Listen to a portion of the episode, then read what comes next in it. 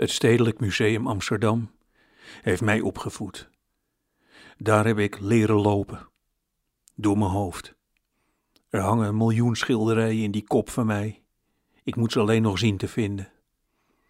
Dat dacht ik in 1992 allemaal nog niet, toen ik in het Stedelijk Museum Amsterdam naar de lul van Jeff Koons keek.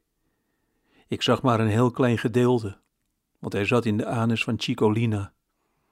Denkt u om een idee te krijgen, maar aan de achterkant van uw kat, maar dan kamerbreed. Er stond iemand vlak naast mij. Dat hadden mijn ouders mij dus niet geleerd, hoe je samen naar een anus keek. Ik had mijzelf kunnen redden door mijn hand onder de kin te leggen. Daar kom je in een museum meestal wel mee weg. Het lijkt dan alsof je nadenkt, terwijl je eigenlijk zo in de war bent dat je je aan je eigen hoofd moet vasthouden. Ondertussen voelde en beleefde ik van alles. Verwarring, schaamte, geen kant op kunnen, oorverdovend luid zwijgen, snel naar de volgende zaal willen lopen. Daar zweefden drie basketballen midden in een plastic zuil. Nooit keek ik meer hetzelfde naar een basketbal. Het was niet de eerste keer dat ik in het Stedelijk Museum zocht naar een aantrekkelijke horizon. Tijdens mijn allereerste bezoek, ik was 16 jaar oud, liep ik door het kunstwerk The Beanery, een levensecht café vol met mensen. Hun hoofden waren vervangen door een klok. Het stonk er naar pis.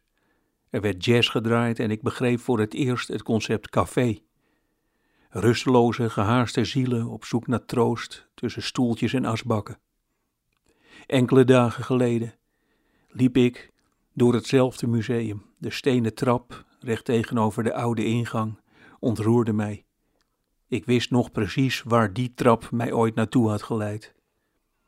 Ik kende toen alleen andijvie, honkbal en gehaktballen. En opeens stond ik voor een schilderij waar gekleurde houten blokken op waren getimmerd. Dat mocht dus gewoon.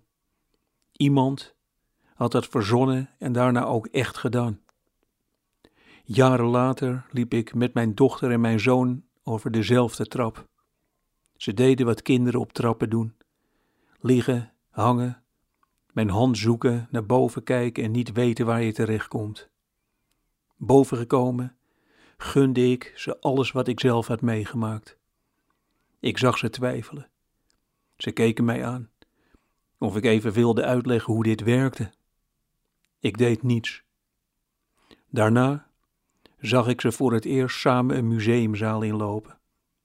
Een minuut later zouden het andere mensen zijn.